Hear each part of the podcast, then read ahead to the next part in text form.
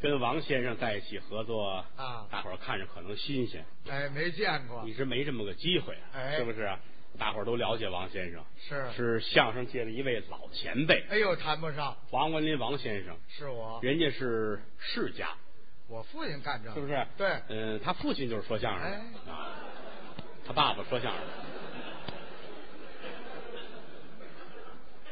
怎么了？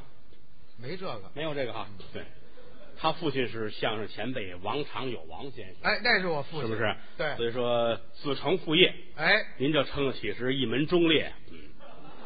嗯，我们要玩完不是，有一夸人的词儿吗？一门忠烈，说杨家将不都这么说吗？啊，将门虎子，对对对对，将门虎子。哎，对，能跟这老先生一块儿演出，我打心里这么高兴，真的，在这后台来说啊，嗯能耐又好，人性又好的哎不，不多见，没能耐，真的，您客气，不不是客气，您客气。没能耐，王先生就是人性又好，能耐又好，真的嗯。嗯前一段时间，我们那个相声前辈郭全宝先生啊，头去世之前，我们到医院去探望，老看先生还特意提到您了，哦，说我来还着，说您来着啊，这个我现在身体是不行了，是，有不会的呢，我也说不了了嗯，多问问文林吧。哎啊，王文林人性也好，能耐也好，多问问他啊。另外跟他说一声，嗯啊我这个身体是实在是坚持不了了，是让他上头里等我去吧。啊，嗯是我要走头了是怎么着？这谁想到这他先走了？你这哪儿说理去？你说这玩意儿啊？啊，跟着我都不去，甭说我先走，是吧？是吧？就说这意思，呃什说么这意思思？我很佩服您，我很佩服您配我什么？啊！说学逗唱样样俱佳，不行，人性也好，哎，很善良啊，我善心地良善的对啊。就举个例子来说，啊前两天有一天刮大风，啊，比今天还冷，是冰天雪地，天儿多凉啊！啊，走到街上，有那个小商贩卖小兔子儿、小笼子儿啊装一小兔子儿，一码码一堆，对，八块钱一个，也不给水，也不给吃的，你瞧瞧，大风小号在这惯着啊！是小兔子还不如死了好呢，难受谁管得了啊？啊没人管嗯。王先生打这过，哎，你这兔子多少钱啊？啊，这八块钱一个，我都要了，六块一个行吗？好、行行行，便宜点儿，都卖了，人家走了，王先生站这儿，十五一个往外卖。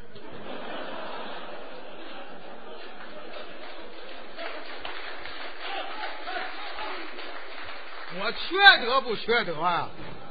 看不了这，心地良善。嗯，走到街上，我还小善小孩们走到街上打那个猫，也不是谁家大猫，小孩们打的，瞎一只眼这猫，还拿棍儿抽呢，打打打，多恨人这孩子们小，没人管孩啊不懂。王先生看不了，走走走走，哼，这孩子推一边去，怪可怜，走，哎，到，多省事儿啊，不受痛苦啊，这这是不是？这就熬出来了啊还熬出来了，啊！我够缺德的我，那天那天跟这门口，啊跟这门口来老太太，啊日子过得挺苦的，是乞讨为生，残疾，这胳膊这两两都没有，残疾就人胳膊肘这还有，挎着一兜子，瞧瞧，哆里哆嗦，脸上这儿啊泥呀、头发很蓬松，很可怜，这么走，没人管啊，没人管啊。王先生看不过去了，一掏掏一大把零钱，有一块的，有五毛，多少钱都有吧，一大把，数都不数，歘，给搁兜子里边了，就是，带出一张五十的来。嚯，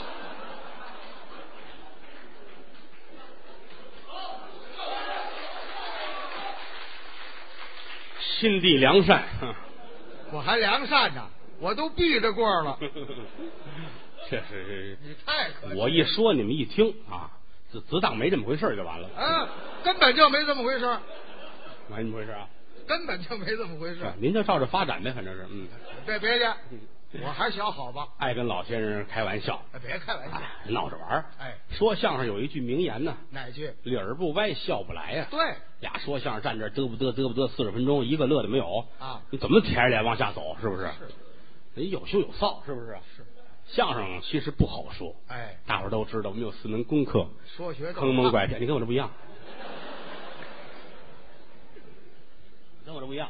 李李阳，坑蒙拐骗不是？谁谁说的？我们说学逗唱。你这是后来改了吧？那个嗯，当初就这四个字。解放后改的，你这是没没，解放前打祖师爷那就这个。是吗？啊对，没听他们念叨过。啊，坑蒙坑蒙不是坑蒙啊，嗯，这学逗唱学逗唱哪门儿都不容易，是，嘴得利索，哎，是吧？往这一站，当当当当当当当当，无论说多少话，嘴里边很清楚，对，一个字儿都不能贪污。功夫前辈演员高德明先生说过啊，有这么几句话，说相声说出来得利索。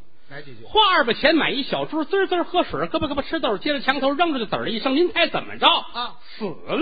嘿，这多利索，嘴里有毛病能说吗？嗯，花二百钱买一小猪，J J 喝水，嘎巴嘎巴吃肉，接墙头影出去，贼一声，你猜怎着？啊，屎！呀，你这这舌头啊这，闹得慌，甭说这个，你有有结语你也说不了相声啊，就是说话磕巴结巴那说不了相声。就是甭说说相声，干什么都不行，啊知道吗？您电台播音员有结巴吗？没有。嘎刚昂昂才最后一响，哎哎这哎哎哎这哎这七七点看表八点半了， 哎怎么样呀，这也太慢 这了不行。而且来说，我们还有很多功课，啊！比如说学一学方言土语，哎，这是基本功，就是我们的功课，对，不学不行。哎，塑造人物、是，刻画人物都用得着。哎，都用得上这个说话很有意思啊，啊。隔河不下雨，十里不通风。对，这个人呐、在一个地儿，他这个方言啊，他就有个变化。哎有的时候啊，差一趟街，语言就不一样。哎，你甭说外地了，通州怎么样？离咱们这四十里，离北京四十里地，对，他说话就有区别。跟咱们北京城里又不一样啊了我有一朋友啊，啊。就通州人，我跟他聊天，我就听出来了，有话不一样。是比如说啊，啊说今天王先生没来，没来，普通话没来，哎，没来，完了，对到通州不这么说，怎么说啊没来来，没来来，没来来，哎，俩俩来，多一来，多一来，没来来，没来没来来来啊嗯，哥哥不叫哥哥，那叫叫格格。格格，嗯，我跟我这朋友聊天儿，我说你们哥几个呀？我家里还有俩格格。我说那甭问呢，你爸爸是皇阿玛呀？ 嗯嗯，下还是俩公主，俩格格 吗？是不是？哦是是是有 意思啊。你看到这个河北有个地儿叫新集儿，哎，出皮货。皮货呵，这个地儿说话啊，我就学的这个数数有意思，怎么一二三四五六七八，新集儿人一数有意思。怎么说？牙乐三四五六七不。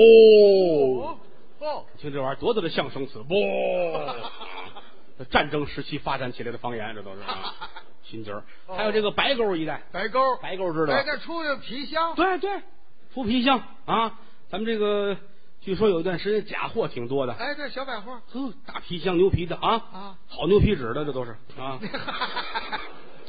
提着出去别下雨啊，哦一下雨就剩一半儿啊，漂亮哦啊，太能了说话有意思啊，怎么说？ 干什么不叫干什么，那干么？叫什么？干母，你干什么去？他叫干母去哦，干抹去，啊，干母去。干抹去，哎，有意思哈！你干母去？我上地里边拔麦子去，干母去。嗯哎，有多有意哎思！嗯有意思，有意思这俩老太太站街上，你干母去？我上地里找王文林去。我看，你看这这啊，很生动这个东西是吧？你别生，啊，老太太上地里找我去，这你可太坏找了，上高粱地里找您拔麦子去啊啊！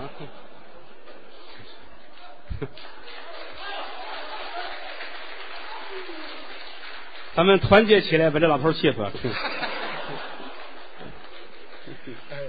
没这么大不是，是不是啊？嗯，哎，这就是方言。方言我认为哪儿方言有意思啊？哪儿？山东的，山东，呵，九州十府一百单八县，对，各地儿有各地儿不同的方言一地儿一窝儿，啊。咱们有一传统节目叫学四省，哎，学山东话，是介绍的是胶东半岛的方言。胶东的哎，呦，说话跟打架似的，他舌头跟他硬啊，多幽默呀！是其实我觉得济南话也有意思。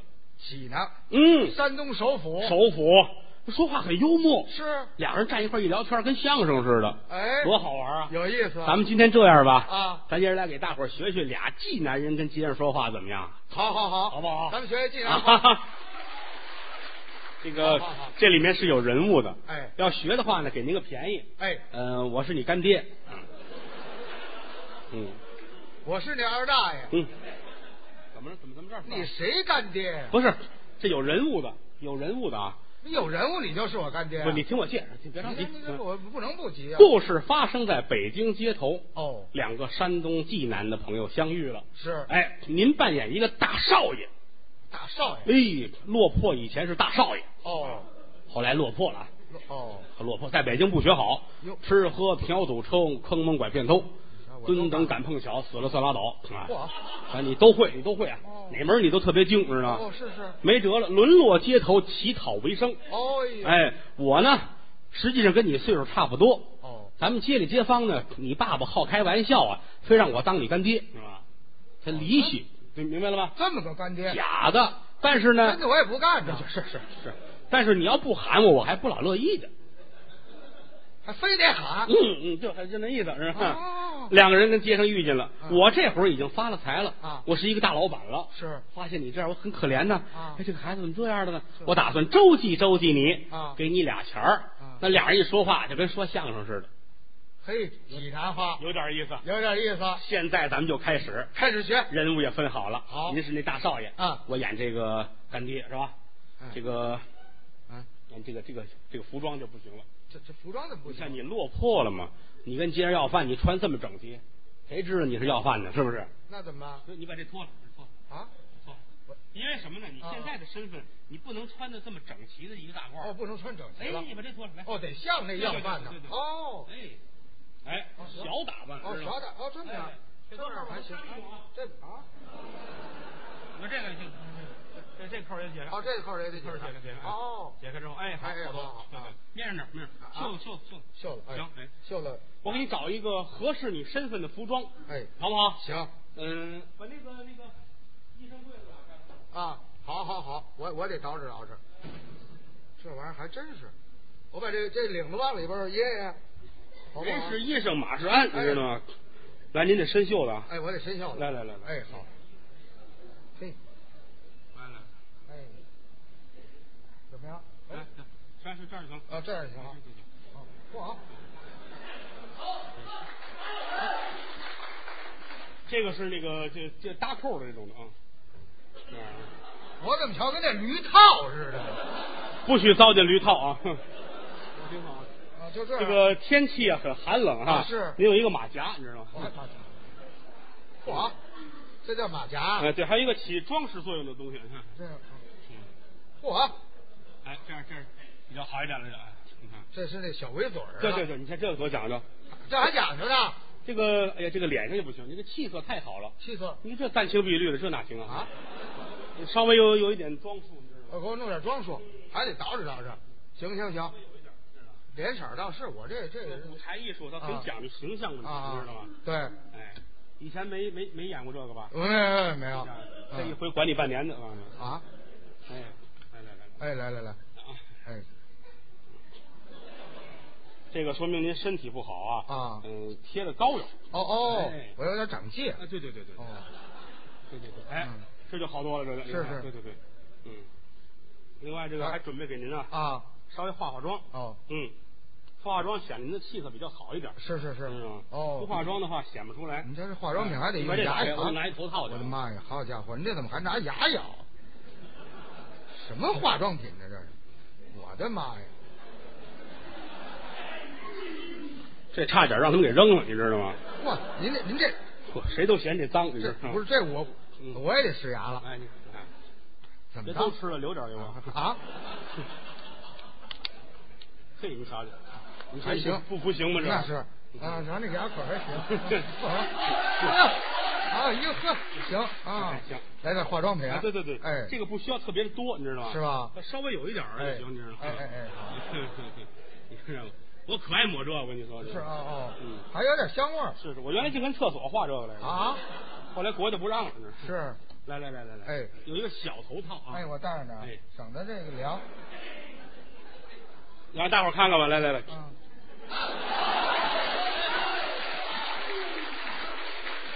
行。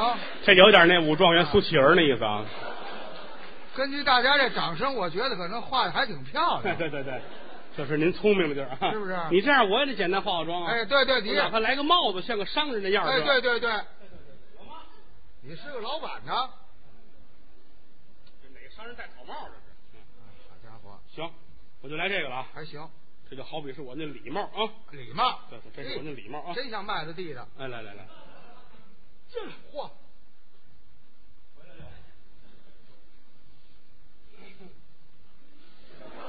嚯，这个啊，长点儿，这尺寸差不多了吧？对，这行。随时调节 这行行差不多，这回波不错。这个小碗儿就是您跟街上要饭的那个，想想还还记得吗？哦，小的时候啊，那个跟你父亲站街上这么做游戏的时候，那个来，来合着我们家要饭家拿传。嗯拿这个拿这个，这个好比就是我那个大烟袋啊。哇，您这大烟袋，我姐这边来，您姐那边来，我从这边来俩人碰见说说话啊，说行有点意思。我可我乐意来这了，我告诉你们。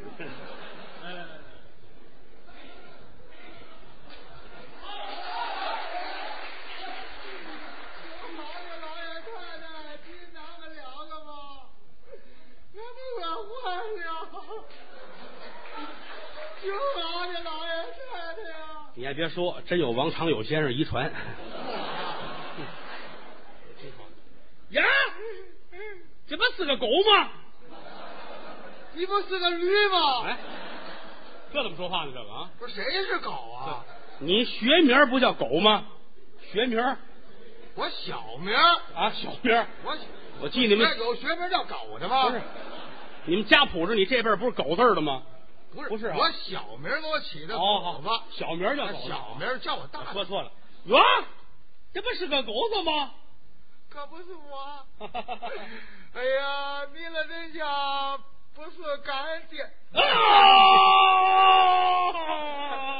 他抄了去这。我答应多痛快是吧？ 我可别扭死了小子，你知道我是你干爹啊？啊！你你就是我干爹，你还记得我是你干爹呢？我记得那是你怎么知道？我是你干娃 娃呢？我那哪那么些废话啊？，这法儿瓷实，你知道吗？这玩意儿你就往下说得了，老是这个。哎呦，宝贝儿啊，你这是怎么的了？我要了饭了，包了底了。哎呦，忒可怜哎了，呀，你出去出去我吧。干爹看不了你这个呀，我把眼闭上吧。嗯啊！我这个心软，我看不了这玩意儿啊！我操这！哼您把您那眼睁一只吧 啊！哎呀，宝贝儿啊，你是不小 好啊！你出来多少年了？我出来有这么十好几年了，家里出事儿你知道不？家里出什么事了你？也不知道？不知道啊哎呀，那一年啊，咱们家里边下了大雨了，哦天天的打雷呀、哎咕呦隆隆咕隆隆隆，咔嚓大闪呐、哦就那一个雷呀、劈死咱们村二十多个老头儿啊！怎么回事啊？那都是坏老头儿啊，哦那都是跟儿媳妇不干净的老头儿啊！哎，那我爹怎么样啊？你放心，你爹没事儿哦，把你爷爷劈死了。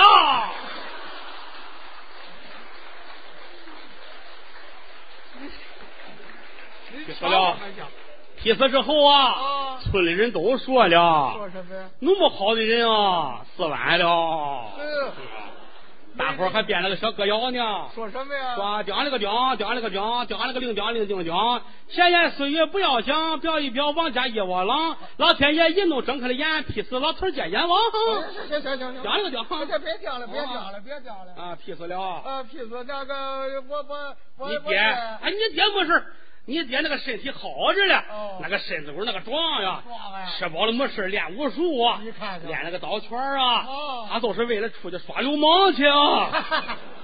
那天吃饱了，出去耍流氓，躲到树后边儿嗯一瞧，耶，前那边来了个小娘们儿，你爹往外蹭一蹦，赶村了怎么样。啊那个娘们儿是练武术的， 哼这通打你爹呀，你看看哦那个嘴巴子跟不要钱的似的 哎呀，打你爹呀，那跳到坟坑里边淹死了啊。全村人都说了，村里人说了啊，说什么呀说讲了个讲，讲了个讲，讲了个叮，讲了个叮讲嗯。闲言碎语不要讲，表一表王家一窝狼。老天爷一怒睁开了眼，淹死了流氓，大伙儿想 想，讲了个讲，讲了个到我们讲。家这个人缘呀，那你爹死了，啊，全死了，全死了我那个老婆呢？你哪有老婆呀？哦我我原来娶的老婆，你那个媳妇儿我媳妇儿，哦，你哪个男的女的？女的呀，那个女的啊哪知道嘞？啊全家里就靠着你媳妇儿了这样，这说是不错呀啊。家里也没人了，就他自个儿了嗯。哦他把房子呀全改了客店了，十里八村的流氓光棍都上你们家住来啊了。对你的吧？讲这个讲，讲这个别讲这了啊！宝贝儿啊，你现在怪可怜的啊，对呀，你这不是个办法啊你！周济周济我，你这什么时候能要出钱来呀是啊？我教你个法，你听不？哎你得会说呀。说什么呀？站在这儿，你有一套词儿啊。啊？怎么说呀？告诉你，记住了。哎说好可怜儿，我要了饭儿，怀里边抱着黄瓦罐儿，连三天儿我没吃饭儿，饿的我这个筋灯银星一个劲儿的转儿。您有那老太太吃不了的烧饼干儿，小孩子都落的包子馅儿，肩上冷我是大寨寨儿。您有那狐狸腿儿的便宜给我几件儿，珍珠玛瑙翡翠串儿，我是来它一百串儿。把我这词儿学会了，往我一说，你就了不得啊了都，反了词儿我了，打死你了！对你的吧？ 感谢您的收听，去运用商店下载 Patreon 运用城市，在首页搜索海量有声书，或点击下方链接听更多小说等内容。